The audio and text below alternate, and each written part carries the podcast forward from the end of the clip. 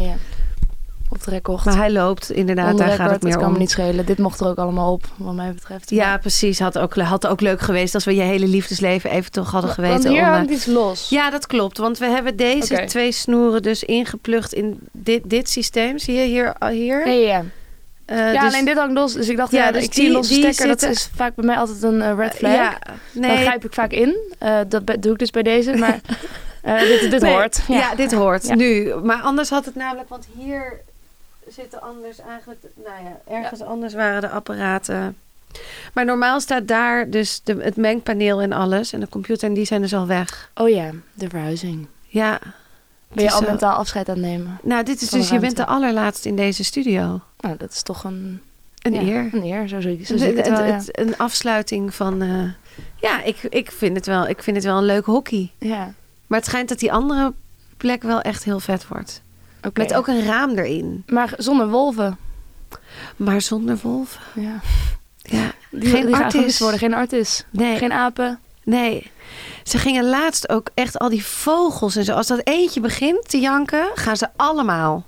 Dus dat begint waarschijnlijk bij die wolven die dan Ja. dat geluid gaan maken. En dan gaan die, die papegaaien doen. Want hier zit dat hele vogellaantje. En die doen er allemaal mee. En dat is een herrie. Dat is niet normaal. Maar ook wel een heel gezellig orkest lijkt Ja. me. Ik En ben wel dol op vogels. ja, jij ben je dol op vogels? Absoluut. Je luistert naar Hoeveel ben ik waard? Nee, niet naar een podcast over dieren, maar over de zoektocht naar waarde. Financiële waarde, eigen waarde, want zijn we daar niet allemaal naar op zoek? Als eerste even een paar huishoudelijke mededelingen. Hoeveel ben ik waard heeft een paar nieuwe vrienden. Welkom Chantal, Marjolein, Jessica en Janneke. Hey, en wil jij ook vriend worden? Dat kan. Ga naar www.vriendvandeshow.nl slash hbiw. Dan een andere hele belangrijke mededeling, want ik heb jullie hulp nodig. De podcast kan kans maken om genomineerd te worden voor een online radio awards. Maar daar heb ik jullie stem voor nodig. Ga naar www.onlineradioawards.nl en stem op de podcast. Oh ja, en vergeet je stem niet te bevestigen via je mail. Kost je nog geen twee minuten en je begrijpt, ik wil winnen. Maar nu door naar de aflevering. Deze week hoor je Milou Brandt. Je kan haar kennen van Jong Beleggen, de podcast, maar ook van Miss Podcast of Vink. Inmiddels is ze weg bij de NPO en gaat ze volledig voor het ZZP'en.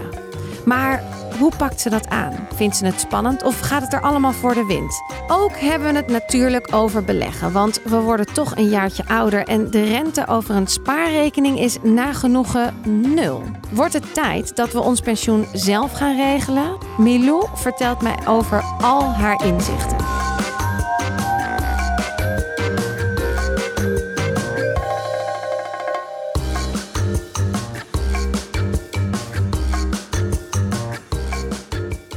We gaan gewoon beginnen met mijn eh, vraag die ik iedereen vraag. Ja. Eh, en daarna horen we alles nog wel. Want ik wil wel inderdaad echt open kaart. Open kaart. Over geld. Over geld. Ja, Ja, nou, dat is helemaal mijn middelneem tegenwoordig. Ja, dus eh, let's go. Ja. oké. Nou, de eerste vraag is: wanneer wist je voor het eerst wat je waard bent? Eh, ja, ik heb me even kunnen voorbereiden op deze vraag. Eh, ik weet het antwoord nog steeds niet, want dat vind ik, het is natuurlijk een hele lastige. Ik weet vaak nog steeds niet hoeveel ik waard ben. Eh, dat is altijd weer een zoektocht. Het, is ook, het verschilt per situatie. Ehm het is wat ik denk, nou als het dus per situatie verschilt, waar ligt dat dan aan? En toen dacht ik terug aan de tijd dat ik eh 15 was en mijn eerste baantje had als afwasser in restaurant, café, café-restaurant De Engel in Wijk bij Duurstede. En ik kwam daar binnen. Ik had eh, super slim een wit shirt aangedaan. eh, blond meisje, haar strak in een staart. En ik kom in zo'n keuken met eh, ja, allemaal jonge mannen. Echte Wijkse mannen. Die, die denken van, nou, die heeft ten eerste een handige outfit aangetrokken om haar eerste dag afwassen in door te brengen. Want dat wordt natuurlijk een totale bende. Dat, zat, dat ding was binnen no, no time ook echt onder de koffiespetters en de ketchup. Eh, en ik dacht van ja, wat, ik ben hier echt gewoon helemaal niks waard. Want ik kan nog niks. Eh, niet alleen dat. eh, zij denken ook dat ik niks kan. Zij waren voortdurend op mij allemaal taakjes aan het gooien. Van Milo, kun je straks ook nog even de oven schoonmaken? Ik zo, ja, kan. Niet wetende dat dat helemaal niet mijn taak was. Dus weet je, op zo'n moment voel je echt wel een beetje alsof je gewoon niks waard bent. Dus dat was eigenlijk het eerste moment waarop ik dus wist wat ik waard was op dat moment. Namelijk vrij weinig. Ehm, ja, dus dat Hoeveel is dat verdiende je moment. toen ook? Want je was 15 en je verdiende toen? Oh god, dat weet ik echt niet meer. Volgens mij, nou, het eerste wat me te binnen schiet is 8 euro per uur. Oh, vind ik nog best goed. Maar dat weet ik niet zeker. Want als je dan toen dat voor het eerst dat geld kreeg, voelde dat dan wel van, nou, dit, dit heb ik toch wel verdiend, want dat ben ik wel ook wel weer waard? Of was het ook echt dat je dacht, ja, ik verdien dit ook niet, want ik kan helemaal niks? Ja, dat geld speelde eigenlijk niet zo'n grote rol voor mij destijds, denk ik. Ik ben opgegroeid in mijn wijk Beduurstede en we gingen ook altijd uit eten bij de Engel.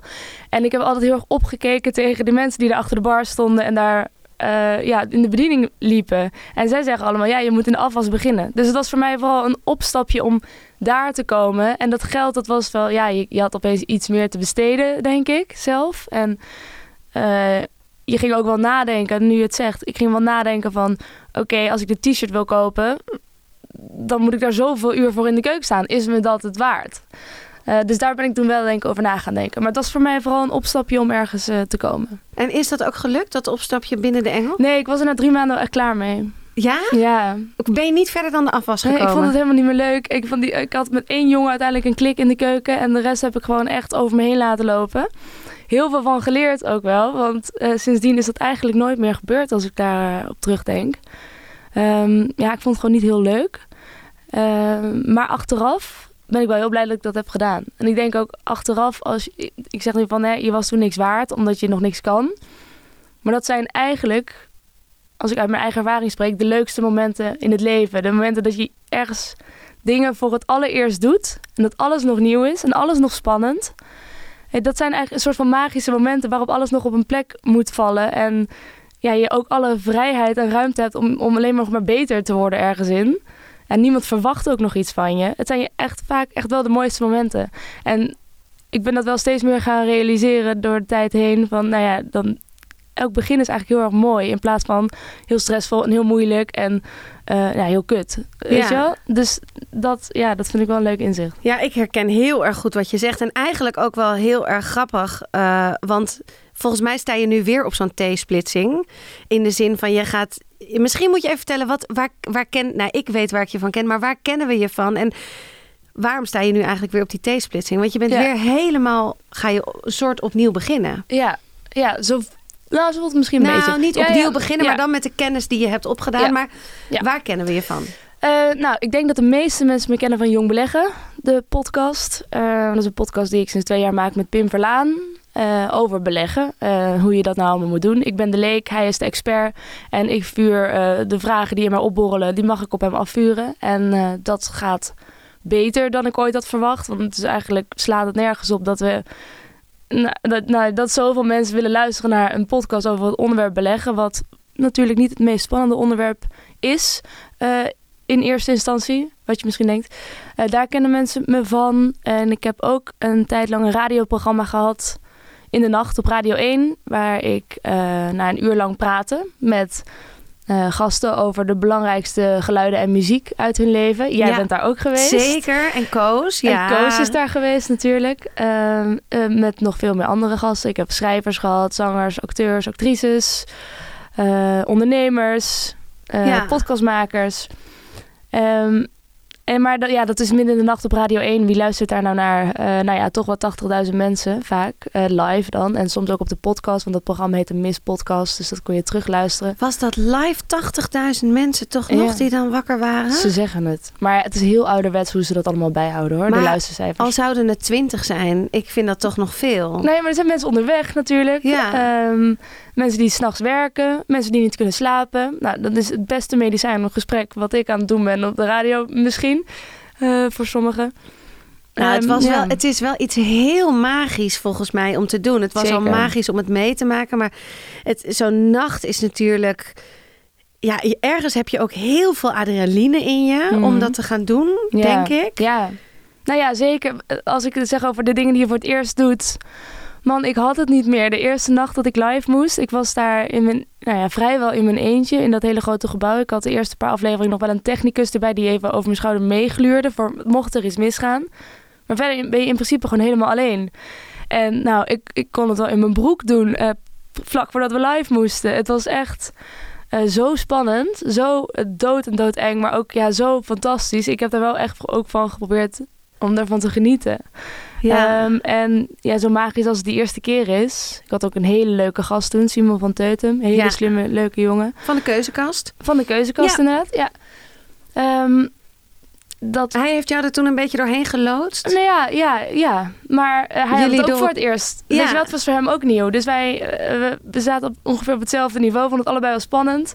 Um, had je van tevoren aan hem wel aangegeven, dit is mijn eerste keer live? Ja, en hij zei ook van, nou, dat vind ik heel bijzonder om dat met jou te mogen doen. En ik zei, nou, dat vind ik ontzettend fijne instelling. Ja. Wat leuk, dan gaan we het ook gewoon doen. En we zien wel waar het schip strandt.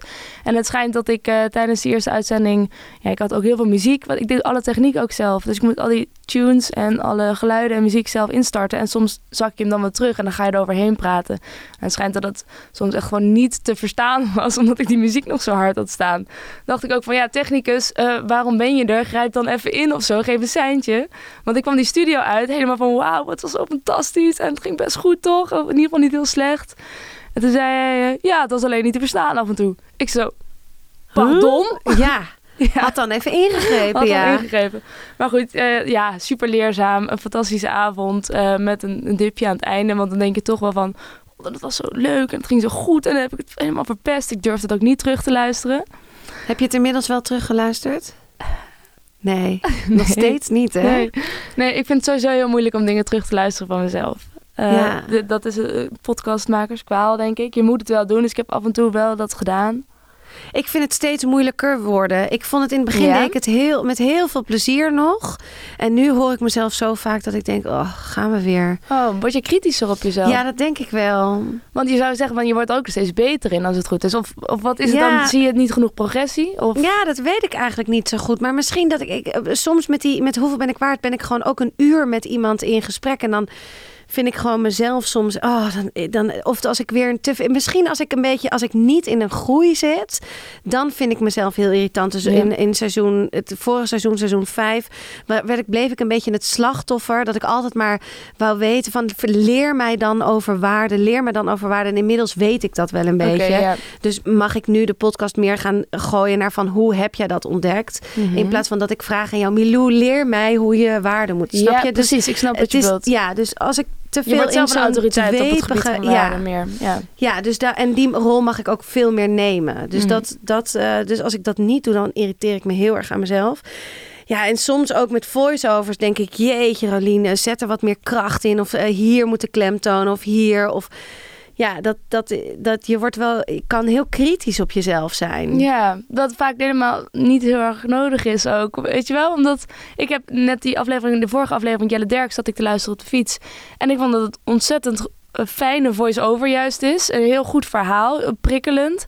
En uh, je bent ook heel relaxed. En je gaat zelf ook uitleggen waarom jij vindt dat het waarde wel zo belangrijk is. En je neemt Jella daar ook in mee. Dus hij leert bijna ook iets van jou daarin. Ja. Had ik het idee. Nou, die, daar, ik ben dus ook best wel trots op die aflevering. dat is zo. Die heb je net de goede te pakken. ja.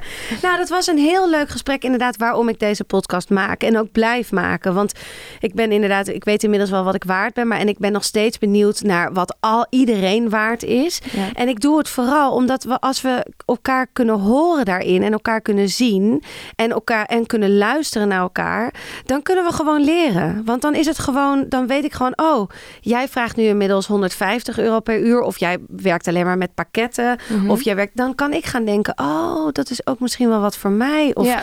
En als we er open in zijn, dan hoeft niemand meer die underdog te worden. Nee, dan hoeven we Weet je, dan hoeven we allemaal niet meer van, oh, durf ik dat wel? Nee, want we weten gewoon een beetje wat dingen waard zijn. Nee, en het is voor, waarde is ook zo'n breed te interpreteren begrip. Het is niet alleen maar geld, het is niet alleen maar tijd, het is ook uh, sociale waarde, het is hoeveel plezier beleef je ergens aan. Het, je kan het op zoveel manieren definiëren en zien dat zoveel meer is dan alleen zeggen van, nou, ik wil hier nu 8000 euro voor hebben, want uh, ja, ik vind dat ik dat waard ben. Uh, er zijn ook zoveel andere dingen die je er nog in mee kan nemen. Of andere voordeeltjes die je misschien wel op een hele Ja. creatieve manier eruit kan trekken. Dus ja, ik leer daar zelf ook nog altijd, eh, Ja. altijd over bij. ja. En ook wil je één vast bedrag of wil je zeggen van nou, ik wil nu dit. Zeker met podcast maken is het, als het in het begin nog heel klein is. Dan kun je zeggen van ja, ik wil 200 euro per aflevering, bij wijze van spreken.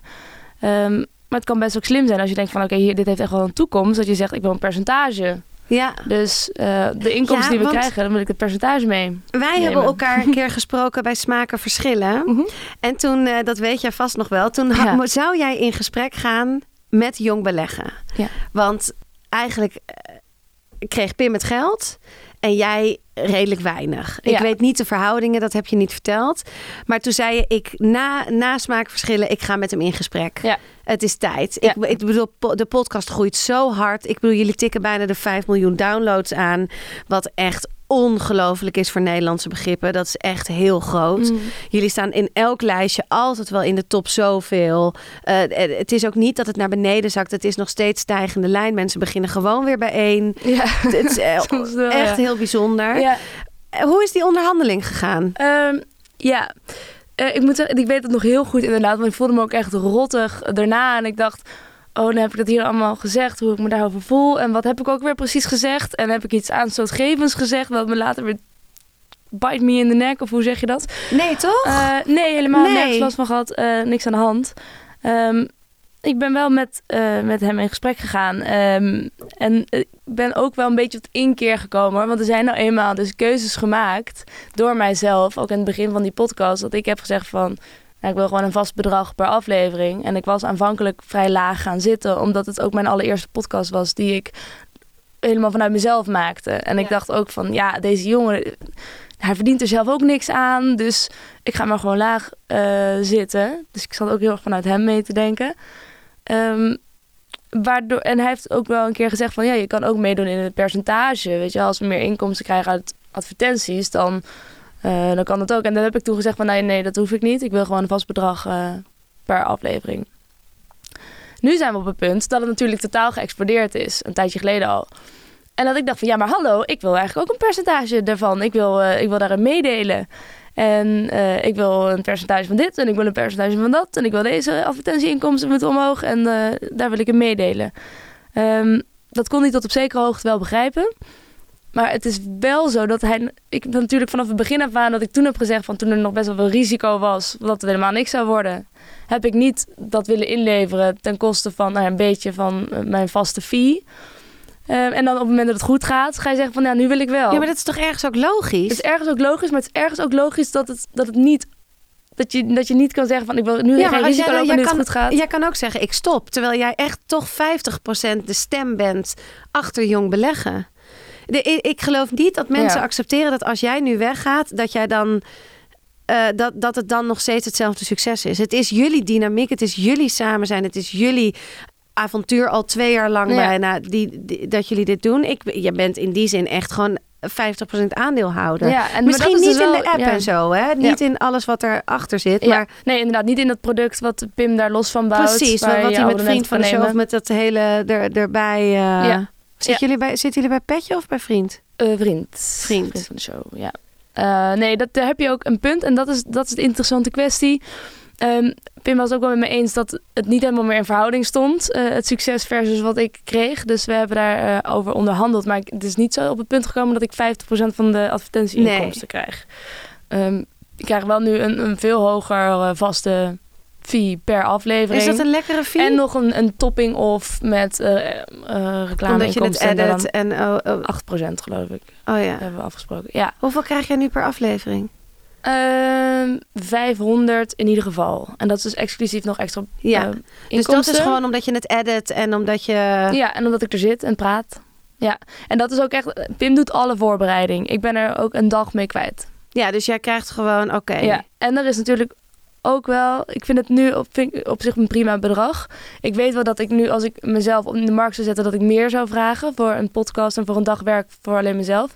Maar dit is ook iets wat we samen hebben opgebouwd... waar ik... eh, Nou, Heel ik vind het ook een mooi bedrag, hoor. ja, ik vind het... Ik, En- daar voel ik me dus ook goed bij. Ja. En dan merk je dus ook dat je die onrust niet hebt. En nu kan ik ook op een hele andere manier kijken naar mijn rol daarin. Want er zijn wel momenten geweest dat ik dacht, ja, ik voel me gewoon alsof ik meer waard ben. Ja. Eh, en, en dan zit je er met minder plezier. En nu zit ik er gewoon met heel veel plezier. En ja, maak ik zelf ook een ontwikkeling doordat ik helemaal anders naar het beleggen ben gaan kijken.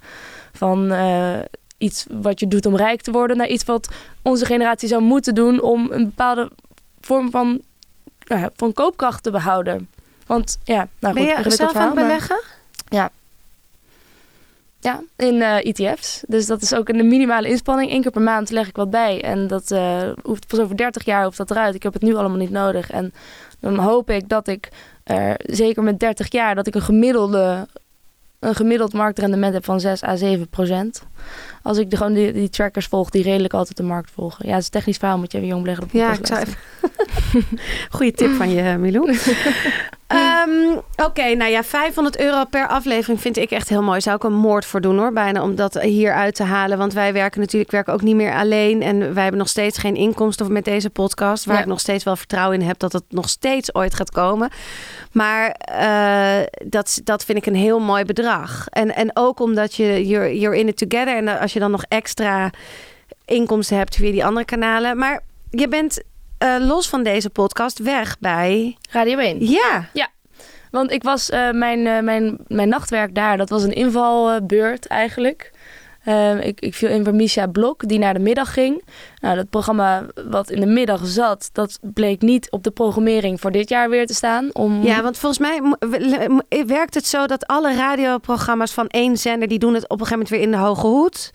Dan wordt er weer ge, gehusseld. Ja. En dan komen al die tijden worden weer verdeeld Nou, of zo. vaak blijft het wel ongeveer hetzelfde hoor. Maar er zijn soms bepaalde redenen waar, waardoor de zendermanager zegt van... Nou, ik vind dit eigenlijk geen goed programma op dit tijdstip. Eh, of om welke reden dan ook. Of, eh, Maar waren Misha we hebben een en... andere intekening gekregen wat we een beter idee vinden. Ja. En dat was nu volgens mij het geval. Eh, ja, ik weet, niet, ik weet niet de details van de redenen waarom, eh, waarom dat programma moest stoppen. Nee. Eh Want ik kan me ook wel voorstellen dat voor Misha en ik weet... Hoe heette hij het? Twan van Peperswater. Twan.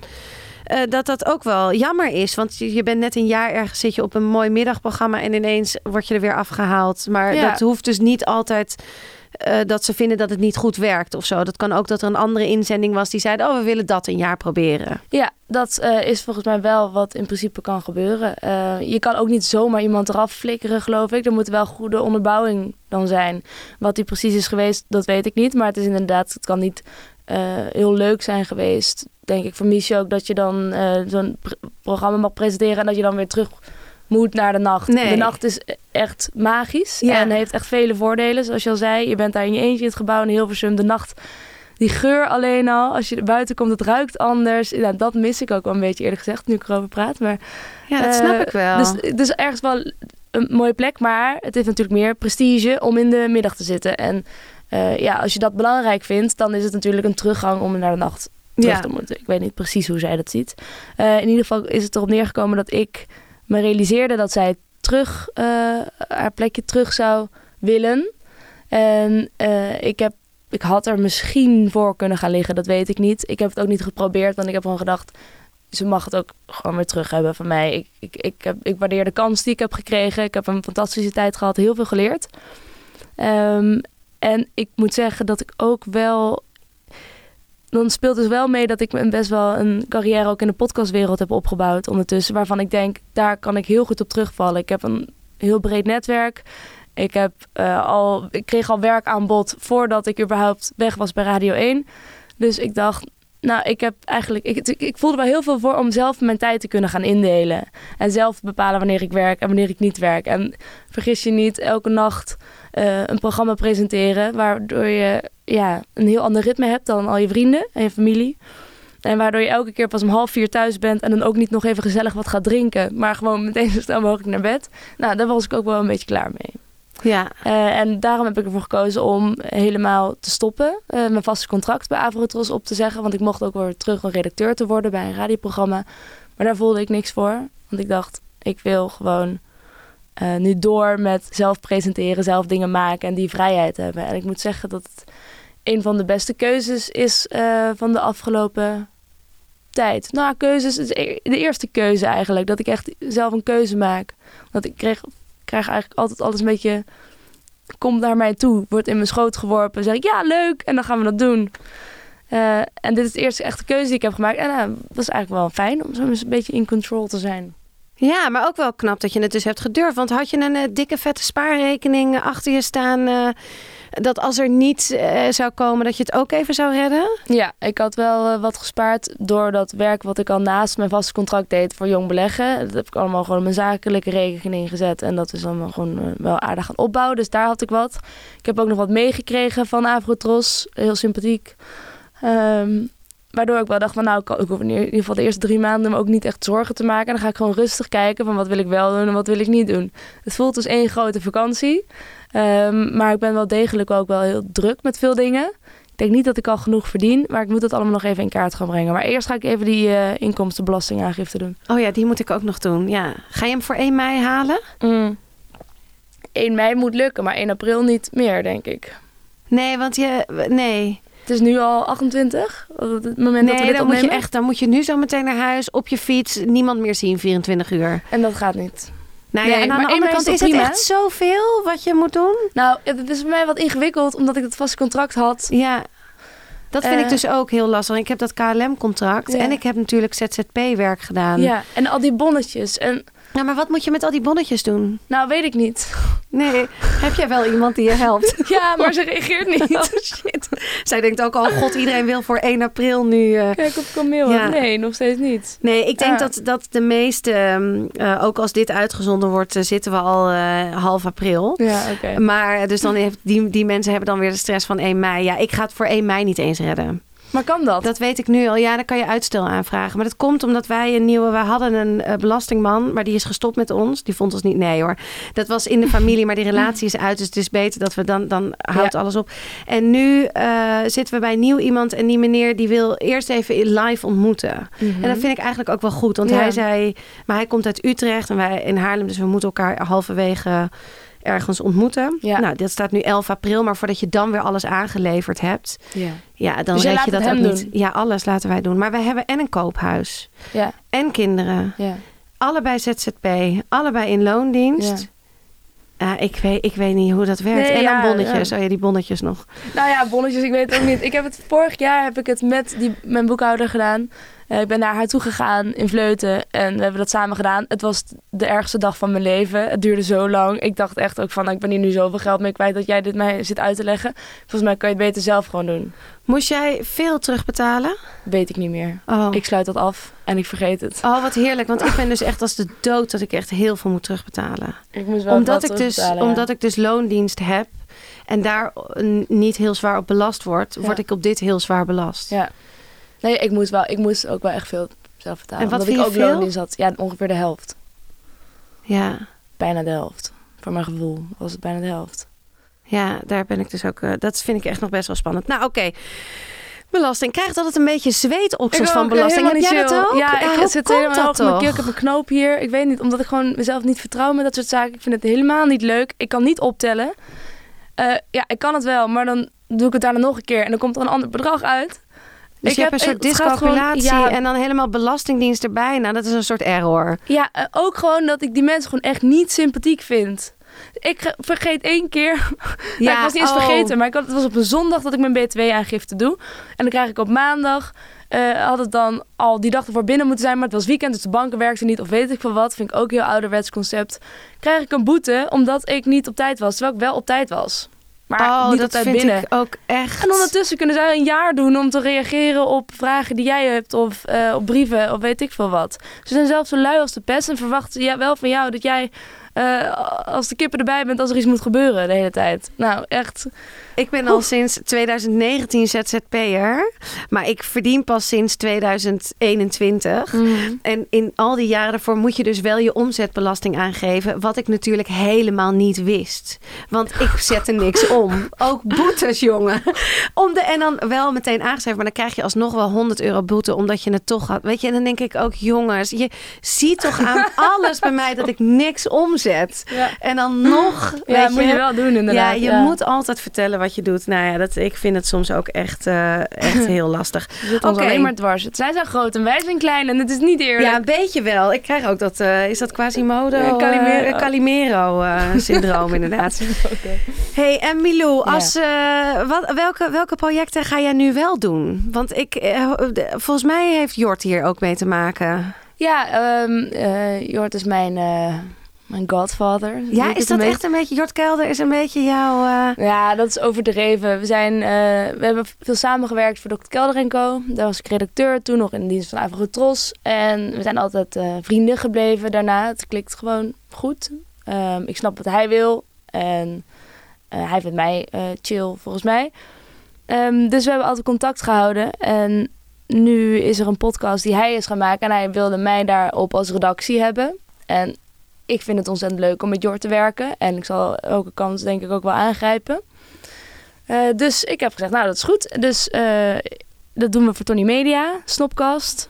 En dan zou je zeggen, ben ik dan in dienst van Tony Media? Nee, ik ben echt bij Jort en zijn vriend Ivo dan in dienst. Ja, niet echt in dienst, maar hebben een percentage. Zij krijgen het merendeel en ik krijg ook een beetje voor redactiewerk. En dan is er vanuit Tony Media nog een redacteur die eh, editing doet en alles. En ik doe echt puur de inhoud en de tekstjes en zo.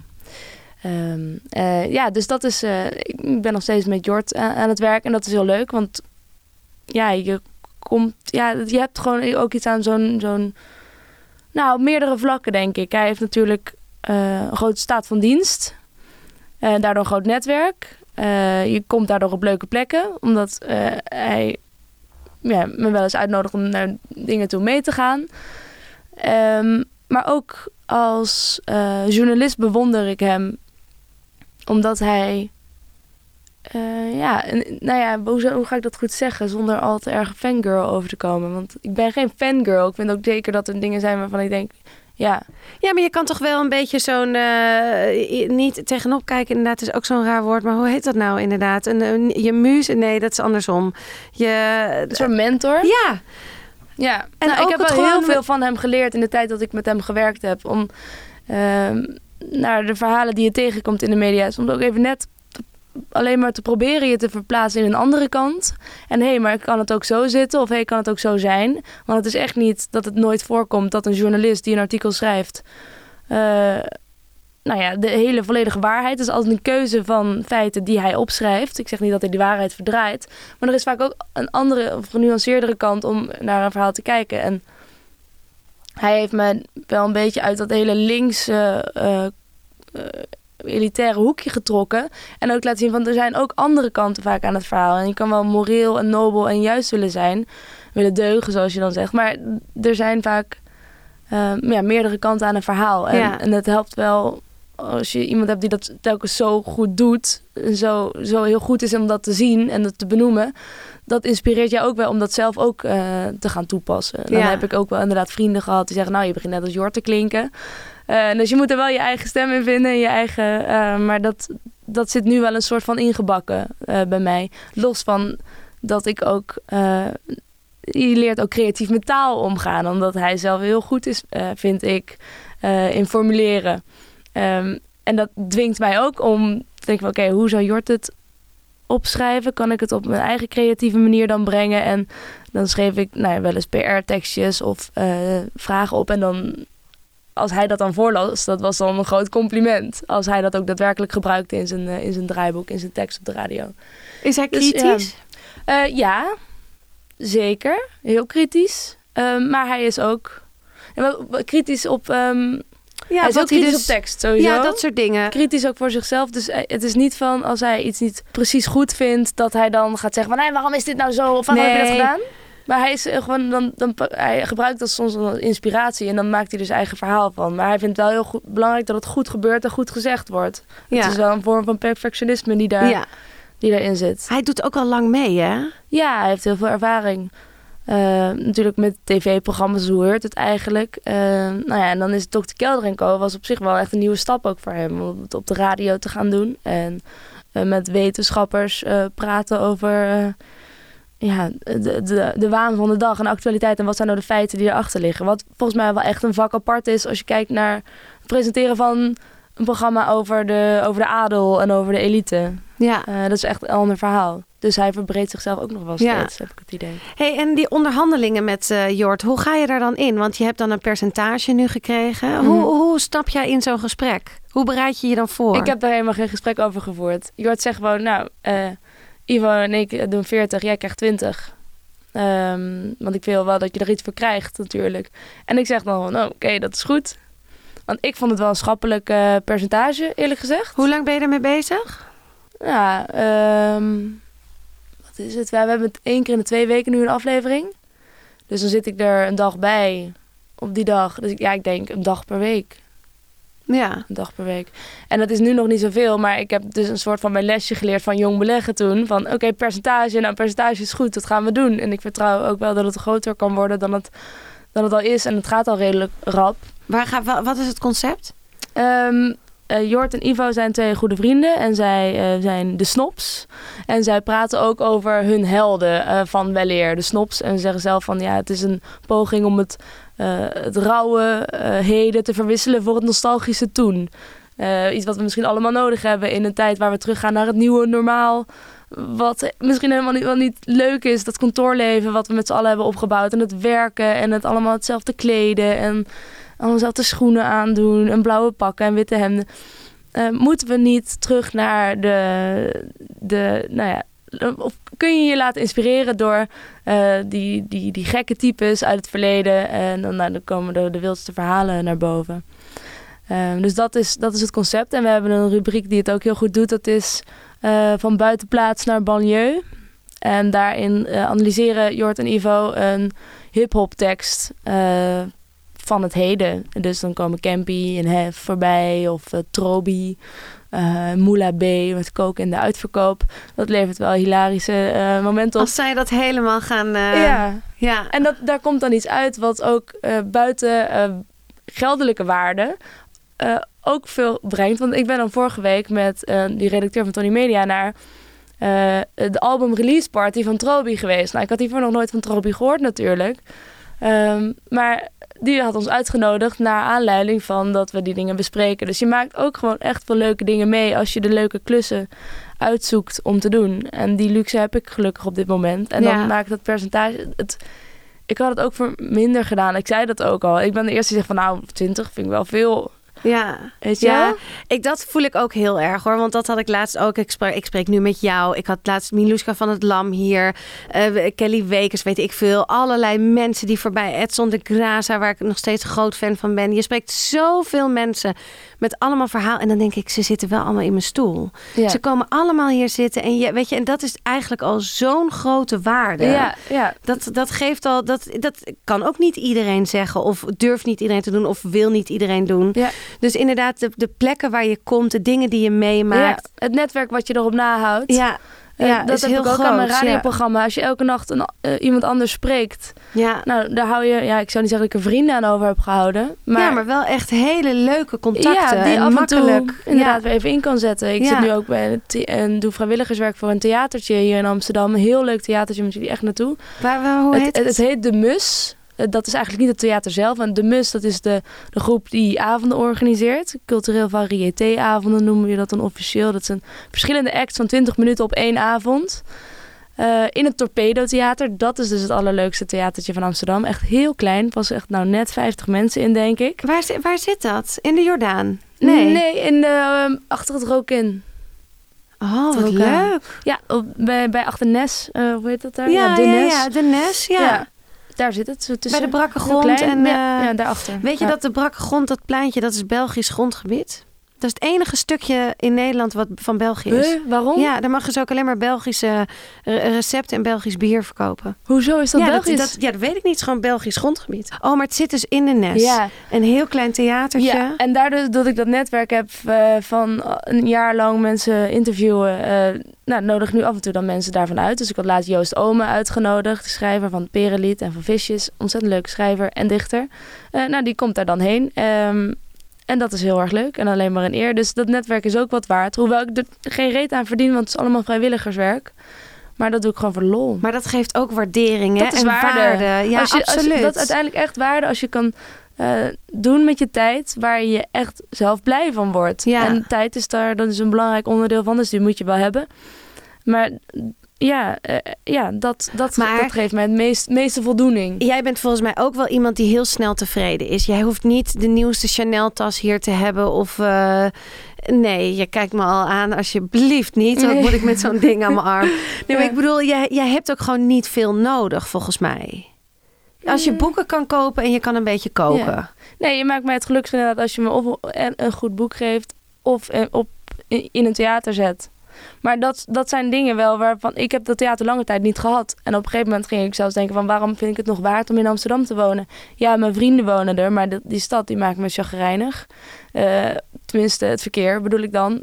Amsterdam kan ook best leuk zijn. Ik vind de mensen niet altijd superleuk of inspirerend.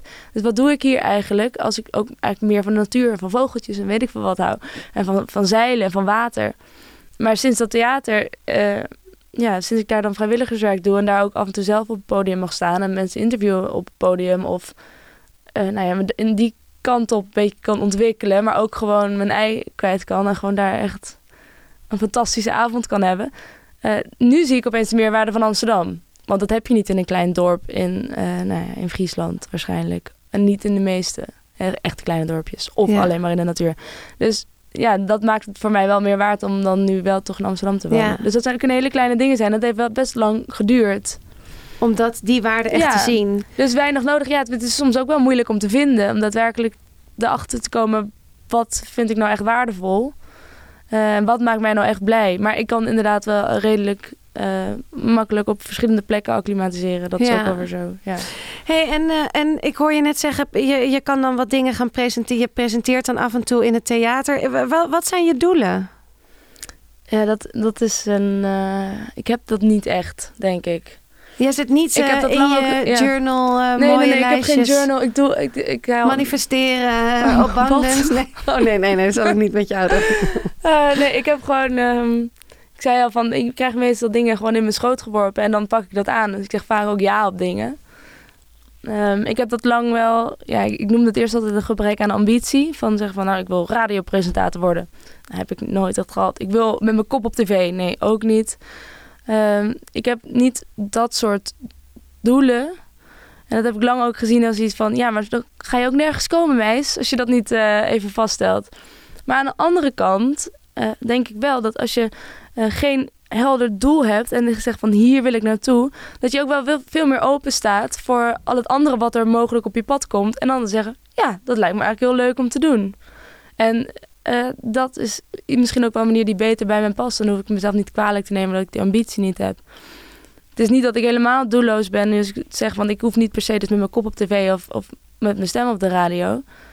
Ehm, maar ik wil wel dingen maken die op zijn minst betekenisvol zijn. Dus dat zou voor mij het eerste doel zijn. Ik wil iets maken waar ik achter sta, waar ik plezier in heb om het te maken. En dat is eigenlijk, ik wil gewoon, ja, dat, dat zou wat- mijn doel zijn. Wat is dat? Waar sta jij echt achter? Waar ga jij echt van aan? Wat vind je belangrijk?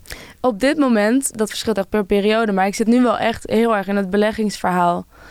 Ehm, ik weet nog, toen ik begon met eh, Jong Beleggen, de podcast, dat ik het verschrikkelijk vond dat mensen mij opeens zagen als de belegjuffrouw. Zo sta ik een keer ergens vermeld. Ik eh, werd gebeld of ik even wilde uitleggen wat shortgaan is op de radio. Ik zei, nou, dat ben ik ook niet helemaal de persoon voor. Eh, wat moet ik met deze associatie met geld? Zeker als ik mezelf meer zie als iemand die dus vooral liefst ja, in het theater zit of in de boeken Ja. duikt. Ja, en jezelf altijd heel erg links hebt gezien waarschijnlijk. Ja. Ja, inderdaad. Dus ik dacht van ah, die preoccupatie met, dat, met het financiële, dat, dat trekt mij eigenlijk helemaal niet. En ik wil ook niet dat mensen die associatie met me hebben. Eh, het ging zelfs zo ver dat ik werd op een gegeven moment uitgenodigd voor het programma eh, met Rutger Kastrikum en Hanneke Groenteman. Die gingen, dat ging over, Diederik Ebbingen presenteerde dat. En dan kon je team rechts of team links zijn. En ik had heel graag bij Hanneke in het team gezeten, maar ik werd gevraagd voor het team van Rutger. En toen heb ik gezegd, nou nee, want dat kan ik niet aan mezelf verkopen. Dat gaat gewoon niet. Eh, maar goed, zoals ik al zei, eh, dat verhaal over dat beleggen, dat is bij mij wel een beetje gedraaid. Omdat ik het nu zie als een soort van emancipatie van de gewone, kleine, normale Nederlander met een niet al te grote portemonnee, maar wel iemand die een beetje spaargeld heeft en nou ja, dat niet wil laten verstoffen op de bank alleen maar. En dat niet willen verstoffen, dat is dus niet omdat je heel graag rijk wil worden en heel veel te besteden wil hebben. Op korte termijn sowieso niet, maar ook op lange termijn hoeft ook niet eens per se. Maar het gaat over om hetzelfde te kunnen kopen voor wat er nu op de bank staat. Dat het over tien jaar nog steeds hetzelfde mee te kopen is. Dus het behoud van je koopkracht. En dat is, en dat is misschien een beetje een technisch verhaal, maar als die rente zo laag blijft, en soms zelfs negatief, krijg je dus, wordt het geld wat op de bank staat niet meer waard. Inflatie loopt alleen maar op. Zit nu ook weer op, volgens, nou, ik heb niet de recente cijfers in mijn hoofd, maar is hoger dan gemiddeld. Ehm, dat betekent dat je geld op de bank minder waard wordt. Dus als je daar niks mee doet, dan ben je eigenlijk een beetje een eikel. Omdat je over tien jaar echt niet meer. Kijk, voor tien jaar geleden kon ik nog 1 euro een biertje kopen aan de bar. Dat kan nu niet meer. Nee. Nergens. Nee. Ook niet. Ja, in Groningen kon het toen nog. Dat kan nu ook niet meer in Groningen, denk ik. Weet niet zeker. Uh, nee, je 4000 euro op je spaarrekening is over vier jaar geen 4000 euro meer waard. Dat, dat is, is 2000 euro ja. waard. Aan uitgeven, inderdaad. Ja. Ja. en dat is natuurlijk heel zonde als je, Ja. als je zo blijft denken, als je maar in dat sparen blijft Ja, zitten. En dan is het zo dat, eh, dat nu boomers zeggen van... nou, moet je al het risico wel nemen op de beurs? Want dat is toch wel heel gevaarlijk en eh, moet je dat nou wel doen? En dan denk ik van ja, ik zou ook liever hebben dat ik gewoon rente kreeg op de bank. Zoals jullie. Vroeger was er wel eens 11% rente. Ja, dan, dan is die noodzaak er ook niet om iets met dat geld te doen. Ik had het ook liever gehad, maar ik moet eigenlijk wel. En Ja. ook zeker als je kijkt naar de politiek, die, eh, nou ja, de achterban, eh, heel Nederland vergrijst. De gemiddelde leeftijd is nu 43, waar het tien jaar geleden nog iets van 35 was. Eh, politieke partijen gaan echt niet alleen maar keuzes maken die alleen in het belang zijn van jongere groepen. Nee, die, hun achterban vergrijst. Dus als zij daar niet, als ze zeggen van we gaan een pensioenakkoord, en dan zeggen die mensen van nou dan gaan we op een andere partij stemmen.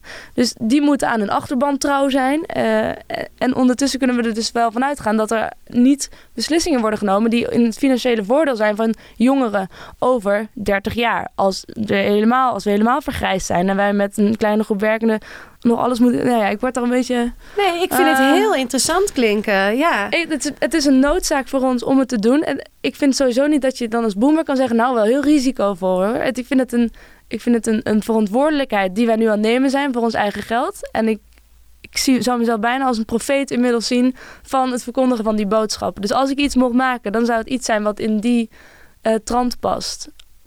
Als ik iets serieus zou maken. Maar ik heb ook altijd wel een warm hart voor de humor en de lol. Dus ik zou ook graag iets doen met eh, grapjes. Ja, heerlijk. Snap ik. En eh, ik, vind het wel, ik vind het wel mooi klinken. Ook omdat je volgens mij dus uit best wel een linkse familiehoek eigen interesse komt. Naar best wel een rechts. En eigenlijk zie je dus hoe mooi dat samengaat. Ja. Je hoeft niet links vaarwel te zeggen om eh, een beetje rechts ook te denken. Ja. Toch? Nou ja, het is, het is het rechtsdenken. Ik denk dat het een. ehm, Nou, het was altijd rechts Ja, denken. het is nu een verantwoordelijkheid kunnen en durven en willen nemen voor je eigen eh, fortuin. Iets wat in Nederland sowieso inderdaad, jij merkt ook, mensen praten helemaal niet graag over geld. Nee. En, en we vinden het een beetje vies om het daarover te hebben. Maar, Maar het, is, een soort van verantwoordelijkheid nemen. Ja, Ja. precies. Het Ja. is verantwoordelijkheid nemen ook met elkaar, voor elkaar, om deze gesprekken te hebben, om van elkaar te leren. Ja, het is in Amerika, ehm, hoef je niemand uit te leggen wat een ETF is. Want daar Ik zijn geen pensioenen. Nee. ETF is een mandje van aandelen Oh, ja, waar je dus met een klein bedrag over heel veel verschillende bedrijven Ja. verspreid kan zitten. Dus, Dus, je ook, kan ook groen beleggen dan in een groene. kan ook. Ja, Ja, ik heb 500 grootste bedrijven van Amerika dan en nog wat. Eh, Dus je, je zit niet met al je geld in één bedrijf. Dus dat risico kun je zo al... eh, ja. dat is echt niet dat je, dat je aan het gokken bent in het casino. In Amerika snappen ze dit allemaal. Ja. Omdat zij moeten zorgen voor hun eigen pensioen. Ja. En wij moeten daar misschien ook wel echt over gaan nadenken. Zolang eh, we hier vergrijzen en de politiek nog steeds, niet echt, nog steeds geen beslissing neemt over of die pensioenen gekort gaan worden, wat gewoon noodzakelijk is. Dus als je een, je levensstandaard wil behouden, als je 60 bent, of als je 65 bent, als je met pensioen gaat, dan kun je maar beter eh, voor de zekerheid ook echt proberen daar zelf voor te gaan zorgen. Want de overheid gaat het niet voor je doen. Nee, nou, ik vind toch dat je die podcast moet beginnen hierover. Heb je al met Tony gezeten? Nou, ik ga misschien... Nou, misschien... Nee, daar kan ik nog niks over zeggen, denk ik. ik maar ik ben wel in gesprek met mensen die tv maken. Leuk. Dus ik zit daar wel over Ik, na ik te vind denken. namelijk, ik vind jong beleggen eh, is niet helemaal mijn ding. Maar ik weet niet, misschien moet ik gewoon echt opnieuw beginnen. Ik heb nu zoveel, ook omdat we smaken verschillen maken, heb ik zoveel steeds dat je één aflevering van iets luistert en dan denkt ik moet weer door, maar dat komt, komt het er niet van. Mhm. Maar ik geloof wel helemaal wat je zegt dat dit de toekomst is en dat we hier een beetje ons op moeten voorbereiden. Nou, dit is wat meer macro. Inderdaad, jong beleggen gaat wel echt over specifiek over verschillende strategieën die je kan hebben om te beleggen. Over eh, nou ja, manieren van beleggen, wat voor aandelen, hoe beoordeel je een aandeel. En dit is wat meer macro inderdaad, Ja. maar dat heeft me altijd wel wat meer getrokken. Ja, En daar raken we dan soms een beetje aan, maar dat is wel inzicht wat ik heb gekregen naar, naar gelang het... eh, en ja, heb je ook eh, bitcoins en zo? Nee, ik beleg alleen in dingen die ik echt snap. Ja, ik ook. Nou, ik, ik had dus allemaal bitcoins en zo, maar ik eh, weet niet of ik daar allemaal goed aan doe. Nee, Ik snap het niet en het staat maar op dat Coinbase en laatst kon ik niet inloggen. Dacht ik, Eh, je moet echt Ja, inderdaad, dit- als je het doet, doe het met een heel klein stukje van het geld dat je wil beleggen. En een heel klein percentage en kijk gewoon wat er gebeurt. ja, dat heb ik nu. Laat ik het een beetje los, maar eigenlijk moet ik gewoon ook in de IFT's. Nee, hoe heet het? ETF's. ETF's, IFT's. Ja, nou dat is een hele ETF's. veilige manier, maar dat is wel leuk om je in te verdiepen. En ik denk trouwens wel, want ik dacht nog aan een parallel over hoeveel ben je waard en eh, een beleggen. Ehm, een belangrijke strategie in het beleggen is eh waarde beleggen, dus value investing. En dat heeft alles mee te maken dat je op zoek gaat naar eh, hoeveel is een bedrijf echt waard. Als je kijkt naar hoeveel omzet ze maken, hoeveel winst ze hebben, hoe groot het is, hoeveel innovatie er is. Ehm, versus wat is de koers van een bedrijf? Dus wat verwacht men dat het waard is? Dus je hebt altijd over, als je het hebt over hoeveel ben ik waard, heb je iets wat je zelf vindt. Wat eigenlijk het belangrijkste is, want dat is iets waar je controle over hebt. Versus wat vinden anderen dat ik waard ben. En kunnen inschatten wat een bedrijf waard is. Dat is eigenlijk ook hoe je naar jezelf zou kunnen kijken. Van wat is eh, nou, de kennisaccumulatie die ik in de afgelopen jaren heb gehad. Hoeveel verwacht ik nog te gaan groeien? Eh, en en wat, wat heeft de markt daarvoor over? Ja. Ja, dus eh, ja, ik dacht, er zit Hoe misschien een de, hoeveel vind jij deze podcast nu waard? Deze? Ja, Jouwe. ja. Wat denk je dat hij nu op wat denk je dat hij nu waard is? Ik vind het heel moeilijk, want ik heb daarvoor, eh, als ik een, een analyse, een fundamentele analyse zou maken van de, de podcast, zoals je ook bij beleggen zou doen, zou ik wel moeten weten van hoeveel luisteraars zijn er. Ehm, wat zijn gebruikerservaringen, zou ik dan interessant vinden. Wie is het management? Hoe zit het management in elkaar? Ben jij daar helemaal zelf over in control? Of eh, doet Microphone Media, heeft ze daar nog iets over te zeggen? Hoe lang heb jij nodig om deze analyse te maken? Nou, ik kan je ben dus alle een- cijfers geven. Ik ben dus niet echt een waardebelegger zelf, want ik ben meer van het, het luie beleggen, namelijk echt een ETF waarin ik niet in één bedrijf eh, investeer. Ik zet niet al mijn, eh, leg niet al mijn eieren in één mandje. Eh, dus ik- ja, ik zou er wel even in moeten duiken. En dan nog is het de vraag ook wat, wat, wat willen adverteerders ervoor Want geven? Misschien is dat nu, dan, dan ga ik hem daarmee afsluiten. Hoe ziet de podcastwereld er in de toekomst uit? Want het is natuurlijk, we zitten nog, het is gewoon nog een heel gek iets, hè? Heel pod. Het is nog een soort halve niche, terwijl er toch al 4 miljoen mensen luisteren naar podcast. Maar eh, van de 17 miljoen is het misschien ook nog weinig. Ja, ik, het is nog, ik vind het altijd nog heel vaag. En Mhm.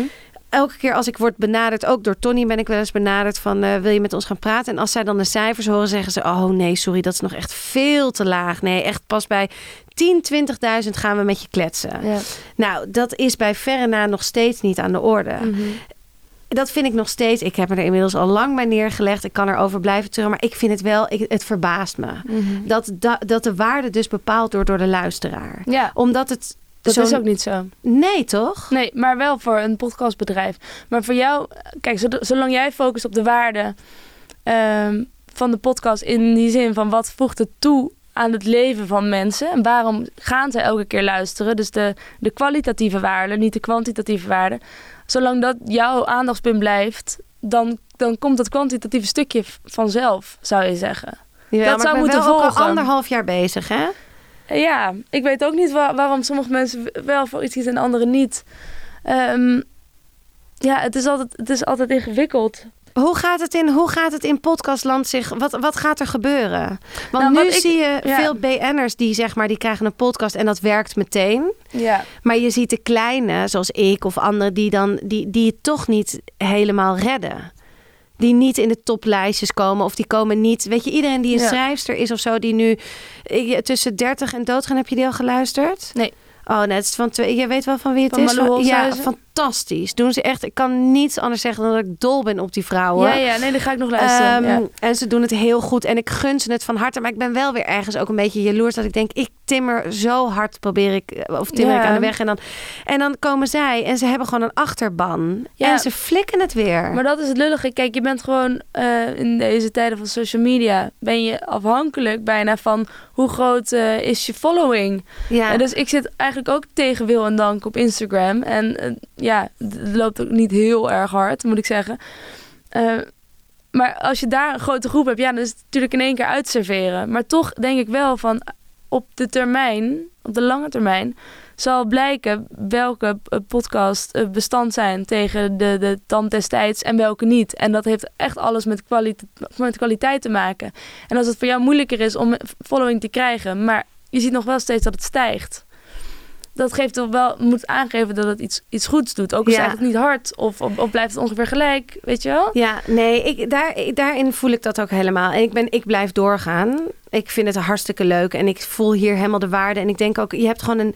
Je hebt alleen wel een lange adem nodig. In podcastland Zeker. heb je op dit moment echt. Topcast is nu ook natuurlijk al. eh, Ja, voor sommige mensen, dat kop. een soort mediahuis was dat. En die zijn er ook mee gestopt nu. Wat Ja. ik heel verdrietig vind. Want die maakten ook, of verdrietig. Het is gewoon jammer. Ze maakten veel goede podcasts. Ook Ja. voor iedereen wat wils. En ja, dat is dan toch niet gelukt. En dat is de- gewoon, je moet echt een lange adem hebben. eh, ja precies. Dat- of je dat- moet. Maar ik denk wel dat die la- lange adem zich wel gaat uitbetalen. Want uiteindelijk is podcast zo'n eh, prachtig en vernieuwend medium. En zo uniek in zijn soort ook. Want wat het fijne is aan podcast is dat je... Een krant heeft altijd een hoofdredacteur, een hele hoofdredactie. En er zit van alles eh, nog tussen die zeggen van nee, het moet meer zo of nee, het moet zus. Eh, bij de radio heb je een omroepbestel, managers, eh, eindredacteuren die ook vinden van alles. Van zo moet het. Podcast is in die zin zo uniek omdat het, het is een authentiek inkijkje in wat iemand maakt. En dat is iets waar denk ik mensen in deze tijd ook een groeiende behoefte aan hebben. Je merkt gewoon, je luisteraars weten meteen van, oké, ik hoor of dit echt is. Of dit, dit klinkt gewoon niet oprecht. Dat hoor je. Dus ik denk dat de authentieke podcasts die echt iets toevoegen en die echt mensen willen meenemen en kunnen meenemen. En dan kan het soms drie uur duren, want daar heb je de tijd voor.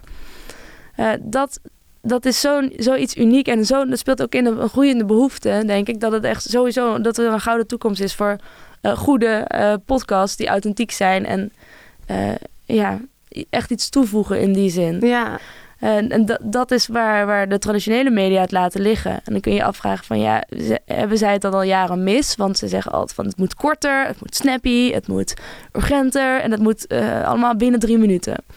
Bij wijze van spreken. Terwijl je, nee, ik luister ook zo met, met plezier een podcast van drie uur. Als het een echt een inhoudelijk goed gesprek is. Waar ik hoor dat mensen echt met elkaar in gesprek zijn. Dat doe ik met, met liefde, met plezier. ja. Ja, hebben mooi zij het dan mis, beschreven. ja. Ja, nee, dat, dat, dat geloof ik ook wel hoor. Dus je ziet de toekomst van de podcast is groot. En rooskleurig. En rooskleurig. Nou, ik vind het prachtig. Daar sluit ik mee af. Dankjewel, Milou. Graag gedaan, ja, ook bedankt. Dit was hem voor deze week. Maar binnenkort ga ik in gesprek met Ginny Ranou. Je kan haar kennen van haar columns voor De Linda, maar ook schreef ze zelf een boek Ginny Werkt. Heb jij nou een toffe vraag die ik haar echt moet stellen?